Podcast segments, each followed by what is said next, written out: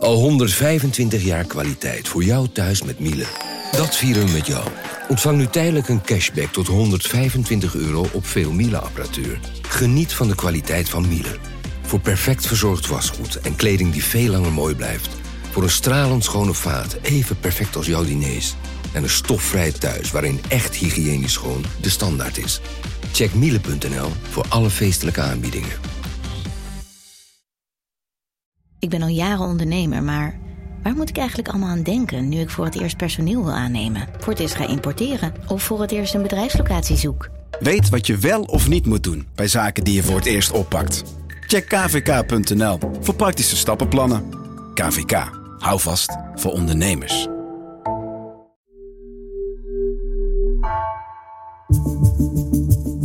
Vanaf de redactie van NRC het verhaal van vandaag. Mijn naam is Egbert Kalsen.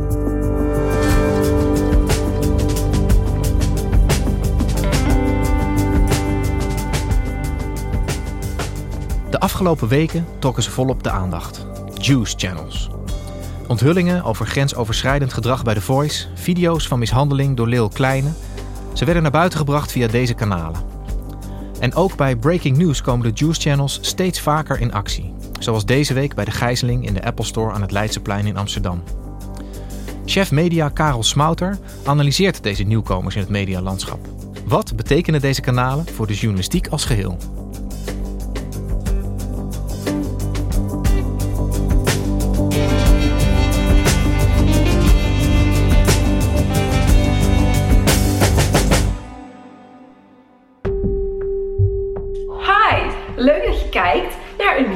En vandaag lijkt het mij langzamerhand wel eens tijd dat de waarheid gewoon eens even boven tafel komt. Inmiddels heb ik dit hele verhaal nu echt meerdere malen van verschillende bronnen, echt goede bronnen ook echt gehoord. Dus ik ga nu gewoon voor de waarheid. Ja, eind november eh, vorig jaar hoorde ik voor het eerst over juice channels. Eh, er gingen geruchten rond en die ja, kreeg je ook overal te zien op verschillende sites. Dat Marco Bussato, de zanger, op een eh, barbecue na een opname van The Voice Kids... zijn hand op de bil van een minderjarige kandidaat zou hebben gelegd. Dus ik dacht, ja, wat is dat, juice channels? Ja, het klonk als een soort geruchtenmachine die de ene na de andere ja, sappige roddel de wereld inbracht. Is dat betrouwbaar? Eh, wie, zijn dit eigenlijk? En dan ga je natuurlijk op YouTube kijken en dan zie je dat er soms honderdduizenden eh, mensen naar een video kijken. En dan vraag je je af, eh, nou, wat, wat is het dat deze eh, partijen zo eh, ontzettend aantrekkelijk maakt? Dus er ging een wereld voor me open, zou je kunnen zeggen. Misschien is het goed om even helemaal bij het begin te beginnen. Ik ben zelf uit 1973. Dit fenomeen is totaal nieuw voor mij, dus ik ben blij dat je hier bent. Wat zijn Juice-kanalen? Waar hebben we het over? Ik kom uit 1983, dus ik, ik heb met, met tien jaar korter op de wereld. Uh, maar ook bij ons op de mediaredactie was het even iets waar we de wenkbrauwen bij fronsten. Dit kenden we niet. Um, dus ik heb iemand gevraagd die daar beter in zit, onze freelance medewerker Mark Koster, om dat eens voor ons te gaan uitzoeken. Nou, nou, het was midden december en uh, Karel, de chef van NSC Handelsblad op het gebied van media, die uh, contacte ik over de Juice Channels. En de Juice Channels, dat zijn ja, eigenlijk entertainmentkanalen op Instagram, op uh, YouTube. En daar, daar zag je al allerlei nieuwe ontwikkelingen. En ik zei tegen Karel, ja, dat, dat neemt grote vormen aan. Dat begon met Marco Bassato. Dat was wel de, de, de meest in het oog springende. Uh, eind november vorig jaar. Daarna kwam Roddelpraat met uh, uh, onthullingen over Ali B. Die later ook in de uitzending van Boos naar buiten gekomen zijn. Ja. En afgelopen weekend uh, was het zelfs twee keer raak. Yvonne Kolderweijer uh, kwam eerst met het nieuws over een voice coach die in een supermarkt slaags zou zijn geraakt met het personeel. Omdat ze op aan het komen was voor haar 15-jarige zoon, die in de problemen gekomen was. En een paar uur later stond op uh, haar Instagram-kanaal een filmpje van Lil Kleine, die met veel geweld zijn vriendin uit de auto trok. Als we het over de juice channels hebben, heb je wat mij betreft drie smaken. Uh, we hebben de smaak van Yvonne Kolderweijer, dat is eigenlijk de stem des volks. Ook iemand die, die met moraal en eigenlijk naar BN'ers kijkt, zoals heel veel mensen naar BN'ers kijken. Wat doen die mensen allemaal? Wat kunnen ze allemaal? En uh, lopen ze niet te veel rond met hun neus in de lucht? Dat is één. Even kijken. Live of Yvonne Glik en Pats. Daar heb je aan Ik meteen. dacht eh, gisteren, ik ga nog eens een beetje juicen. Dat wij in ons land een stel tokkies als BN'er hadden, dat, eh, ja, dat was me al wel redelijk bekend. Maar het, dat het echt op het criminele af begint te raken. Jongens, Nou, kanaal heet de Popcorn Show. Het is Live of Yvonne. Dat, ja, die termen lopen een beetje door elkaar. Haar YouTube-kanaal heeft bijna 200.000 volgers. Haar Instagram is deze week door de 400.000 volgers. Is het extreem aantal. Twee, dan komen we bij eh, Jan Roos, Dennis Schouten. En dan gaan wij op YouTube zoeken naar Roddelpraat. Ik ga er even naartoe. Dit zijn dan de jongens van Roddelpraat. Want als Jorkje natuurlijk een kopstoot aan iemand geeft, ja, dan, dan, dan heb je een blauwe knie. Ja, maar dat laat hij altijd anderen doen. Dan gaat het een halve tuinkabouter. Dus, eh, die, die, als, hij niet als, die, als die gozer niet had kunnen rappen, dan stond hij met een puntmutsje en een, een kruiwagentje naast de sloot. Ik zweer het je. Ik zweer het je. Dat zijn wat mij betreft de satirici, de, de, de cynici, de, de, de, ja, de pestkoppen die de BN'ers een beetje ja, in een kwaad daglicht zetten om ons ja, lol te, te geven. Dus de humoristen. Zeer goed bekeken, beter dan het kanaal van Yvonne Kolderweijer. Eh, omdat ze wat, ja, ze zijn wat, ja, wat mannelijker, ze zijn wat valser. De waarheid wordt altijd toch een beetje geplooid. Ehm, en, en, en ze zijn echt op de man. Ze spelen echt keihard eh, de, de persoonlijke kaart. En dan de derde, Far We Not Sorry. Goedemiddag, welkom bij deze Roddeloog. Mijn naam is Farnet Sorry op je beeldscherm. Dat is eigenlijk de, ja, de vertolker van het oude BN'er geluid. Hij neemt het op voor ze, hij kent ze, hij praat ook namens deze mensen. Ja, valt dus op tussen deze twee andere stemmen. En zeer interessante stemmen ook. Wel minste kijkers. Ja, Ju- Juice-kanalen zijn eigenlijk eh, kanalen die op YouTube en Instagram eh, eh, ontstaan zijn.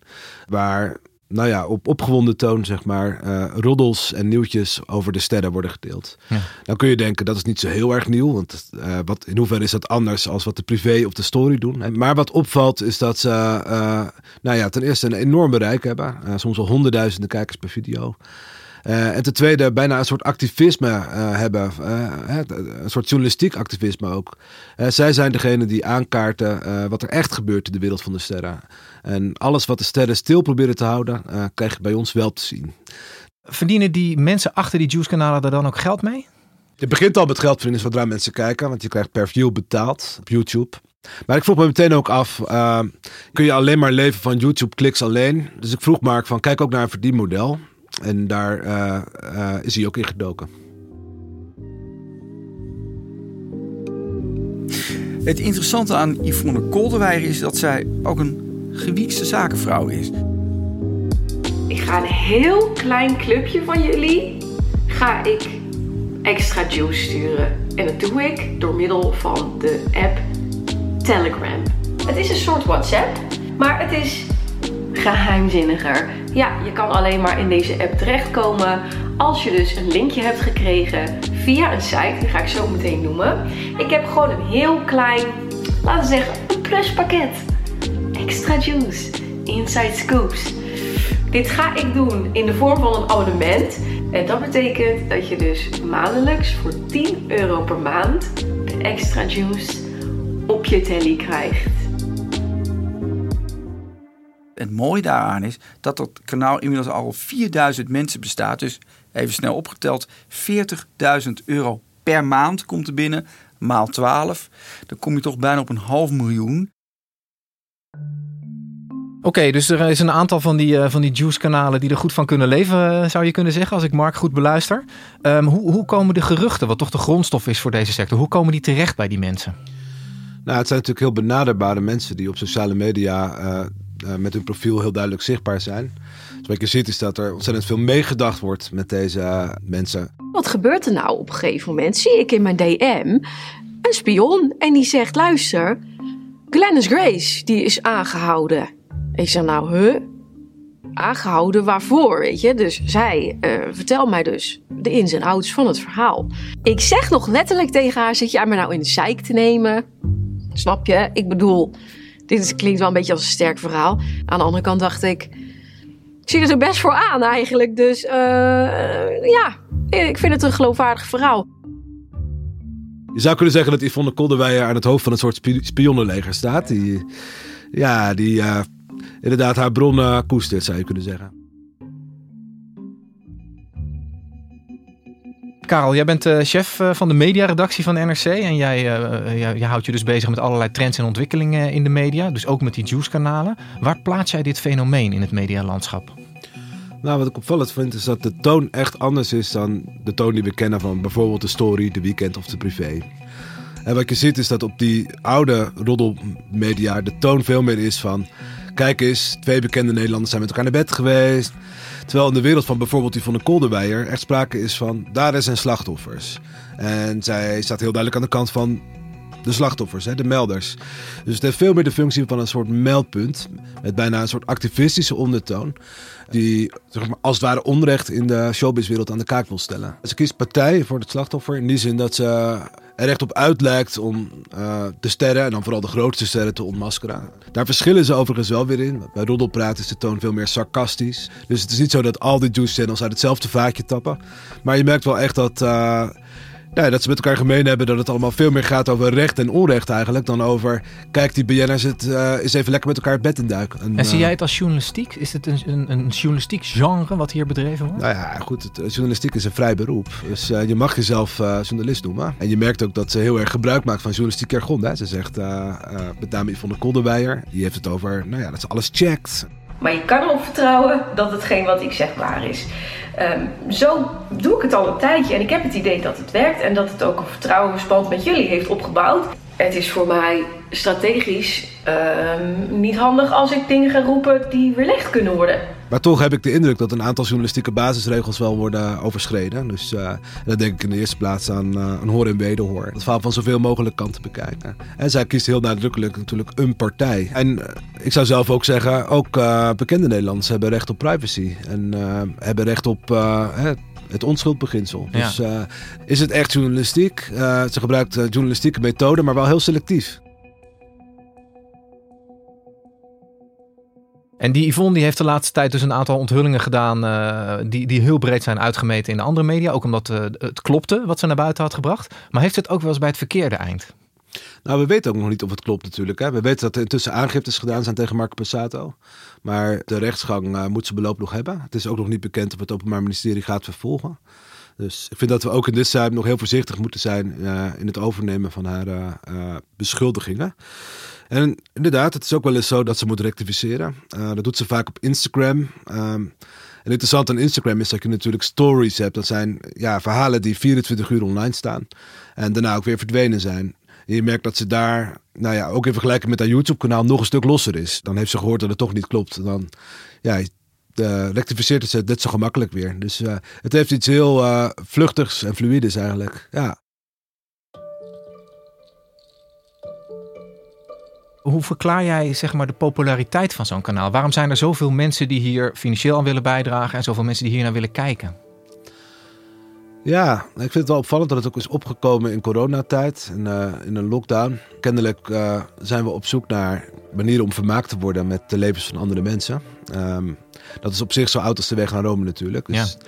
Maar de vorm is nieuw en de toon is nieuw. En uh, ik denk dat ze op een of andere manier ook goed aanvoelt dat er gewoon maatschappelijk veel verontwaardiging is uh, uh, over bijvoorbeeld de verhoudingen tussen mannen en vrouwen op de werkvloer en dergelijke. En daar speelt ze in zekere zin ook op in. Ik vind het te makkelijk om te zeggen dat wij van de gevestigde krantenwereld ons hier verheven boven voelen. elke keer als we zelf iets publiceren over dit soort kwesties, zien we dat onze lezers daar ontzettend gretig op klikken. Dus het is bepaald niet zo dat alleen een bepaald type Nederlander van Juice houdt en dat wij van de, van de, de, de zogenaamde kwaliteitsmedia ons hier verheven boven Nee, nee. Hey, en die Juice-kanalen, uh, die lijken zich ook een beetje buiten de gevestigde orde van de, van de traditionele roddeljournalistiek te plaatsen. Die, die plaatsen zich ook een beetje tegenover de gevestigde orde, zou je kunnen zeggen. Precies. En uh, in die zin zou je het wel disruptors kunnen noemen. Hè? Dus die echt uh, ook de traditionele rollenplayers, denk ik, voor nieuwe uitdagingen stelt. Ik denk dat je toch ook kunt spreken van een soort uh, machtsverschuiving. Ehm, je zag het ook al bij The Voice met Boos, het bekende YouTube-programma van BNN Vara, dat het opnam met het grote, machtige Talpa. En je zou kunnen zeggen dat, dat mensen als eh, Tim Hofman en mensen als Yvonne Kolderweijer... ja, een soort nieuwe vorm van macht representeren. Dus ze zijn in elk geval uitdagers van de, van de status quo. En als je ook kijkt, zie je dat in Medialand eigenlijk door allerlei fusies en samenwerkingen de macht steeds meer in handen van een paar bedrijven is komen te liggen. In krantenland zijn dat vooral DPG en Mediahuis, die bijna alle kranten in Nederland uh, in hun bezit hebben. In tv zie je dat natuurlijk bij RTL en Talpa, die ook nog met de fusie bezig zijn. Um, en ik denk dat dit ook haast een soort tegenreactie is op de grotere concentratie van macht in de media. Is dat er steeds meer nieuwe spelers opstaan die zeggen van, nou wij kunnen onszelf ook journalist noemen. Ja. En, en wij kunnen met onze eigen spelregels uh, ook een publiek opbouwen. Daar hebben jullie helemaal niet voor nodig. Nee. En hoe gaan traditionele media daarmee om? Hoe reageren die hierop? Nou ja, ik kan natuurlijk eigenlijk vooral spreken voor NRC. En ik vind zelf de grootste uitdaging op de mediaredactie om uh, onze eigen normen niet te verlagen.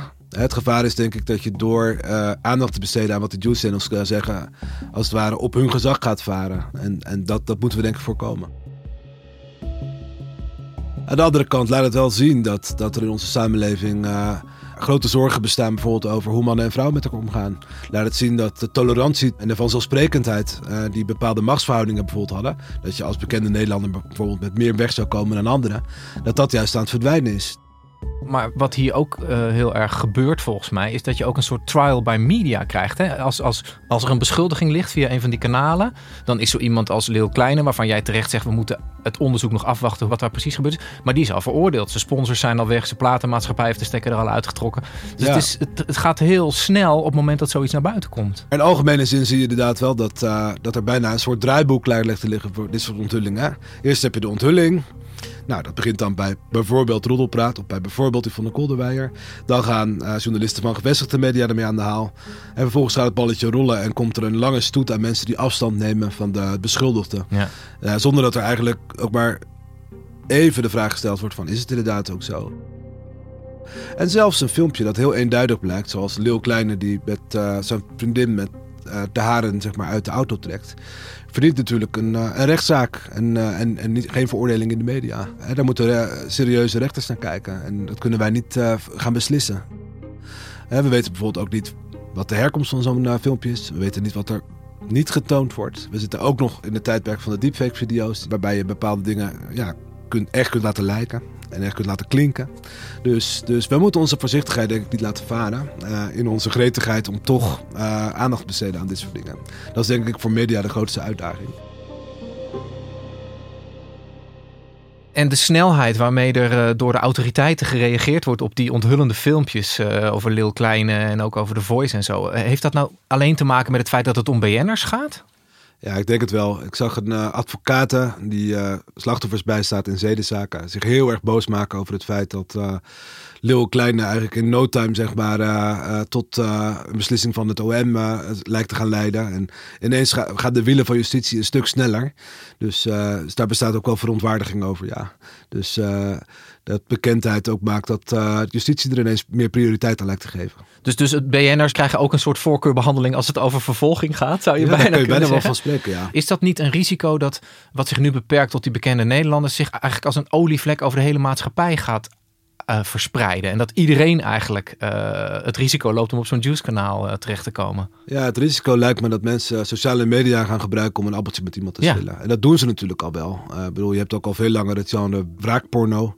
Waarbij je beelden van jou en je ex bijvoorbeeld plaatst op het moment dat je ex is vreemd gegaan. Je hebt uh, eigenlijk allerlei voorbeelden ook van online pesten en dergelijke. Waarbij je vervelende informatie of een vervelend filmpje over iemand online zet. Dat zijn geen nieuwe dingen, maar je kunt je voorstellen dat de drempel op een gegeven moment steeds lager wordt. En dat uh, zo'n kanaal als, uh, als dat van uh, Yvonne Kolderweijer tot copycat gedrag kan leiden. Ja. Dat je op een gegeven moment je eigen Juice kanaal gaat openen. Om inderdaad de juice die jij over een ander hebt met de rest van de wereld te delen. Dat soort dingen vind ik oprecht zorgwekkend. Kijk, wij van de journalistiek doen lang niet alles goed. er gaat van alles fout. Maar we proberen wel ja, te denken aan dingen als maatvoering. Aan dingen als... Je noemt alleen de naam als iemand voldoende publieke bekendheid geniet. En de, al dat soort afwegingen lijken te ontbreken. Dat staat uiteindelijk ook negatief op ons vak uit natuurlijk. Ja. En laten we eerlijk zijn, de journalistiek staat er al niet zo best voor. Uh, in de vertrouwenscijfers zie je dat ook terug. Uh, en op het moment dat mensen denken dat dit daadwerkelijk journalistiek is... Ja, doet dat de journalistieke zaak uiteindelijk ook geen goed. Nee, nee. Wat wordt de toekomst van die Juice-kanalen? Hoe zie jij de ontwikkeling van deze vorm van journalistiek tussen aanhalingstekens? Ik wil altijd waken voor speculatie. Het kan wat dat betreft alle kanten op gaan. Ik acht het heel goed mogelijk dat een aantal mensen die we nu terugzien op die uh, YouTube-kanalen op een gegeven moment ook aan zullen schrijven bij, ik noem maar eens wat, RTL Boulevard of bij Shownieuws. Zodat ze als het ware worden ingekapseld door het systeem. Uh, en dat ze dan ook misschien wel hun toon veranderen. Uh, al is het ook zo dat ze op het moment dat ze zelf ook een bepaalde macht vertegenwoordigen, uh, dat ook hun hoofd er op een gegeven moment af kan gaan. En, nou, je kunt je voorstellen dat als je anderen voortdurend de maat neemt op deze manier en zo persoonlijk aanvalt ook op je kanalen, is dat er op een gegeven moment juice over jou verzameld wordt. En ik acht het niet uitgesloten dat er op een gegeven moment ook over een Jan Roos of over een Dennis Schouten wel eens wat te melden is. en dan kan het feit dat je nu anderen zo'n hoge standaard oplegt, uiteindelijk ook uh, uh, weer bij je terugkomen natuurlijk. Dus uh, welke kant het opgaat, laat zich even bezien. Maar zolang er een verdienmodel is, zullen ze nog wel even doorgaan. Karel, dankjewel voor je uitleg. Graag gedaan.